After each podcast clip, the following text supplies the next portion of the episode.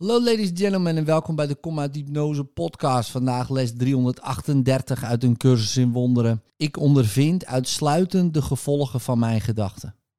Dit is alles wat nodig is om heel de wereld tot verlossing te brengen. Want in deze ene gedachte is een ieder eindelijk verlost van angst.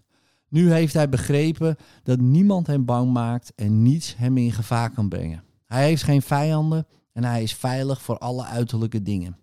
Zijn gedachten kunnen hem bang maken. Maar aangezien deze gedachten alleen hem toebehoren, heeft hij het vermogen ze te veranderen en elke angstgedachte voor een vreugdevolle gedachte van liefde in te ruilen.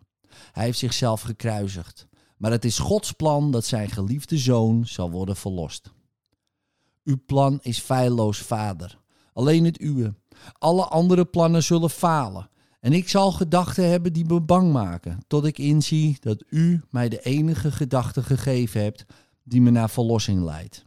Alleen de mijne zullen falen en me nergens heen leiden. Maar de gedachte die u mij gaf, belooft mij naar huis te leiden, omdat ze uw belofte aan uw zoon bevat.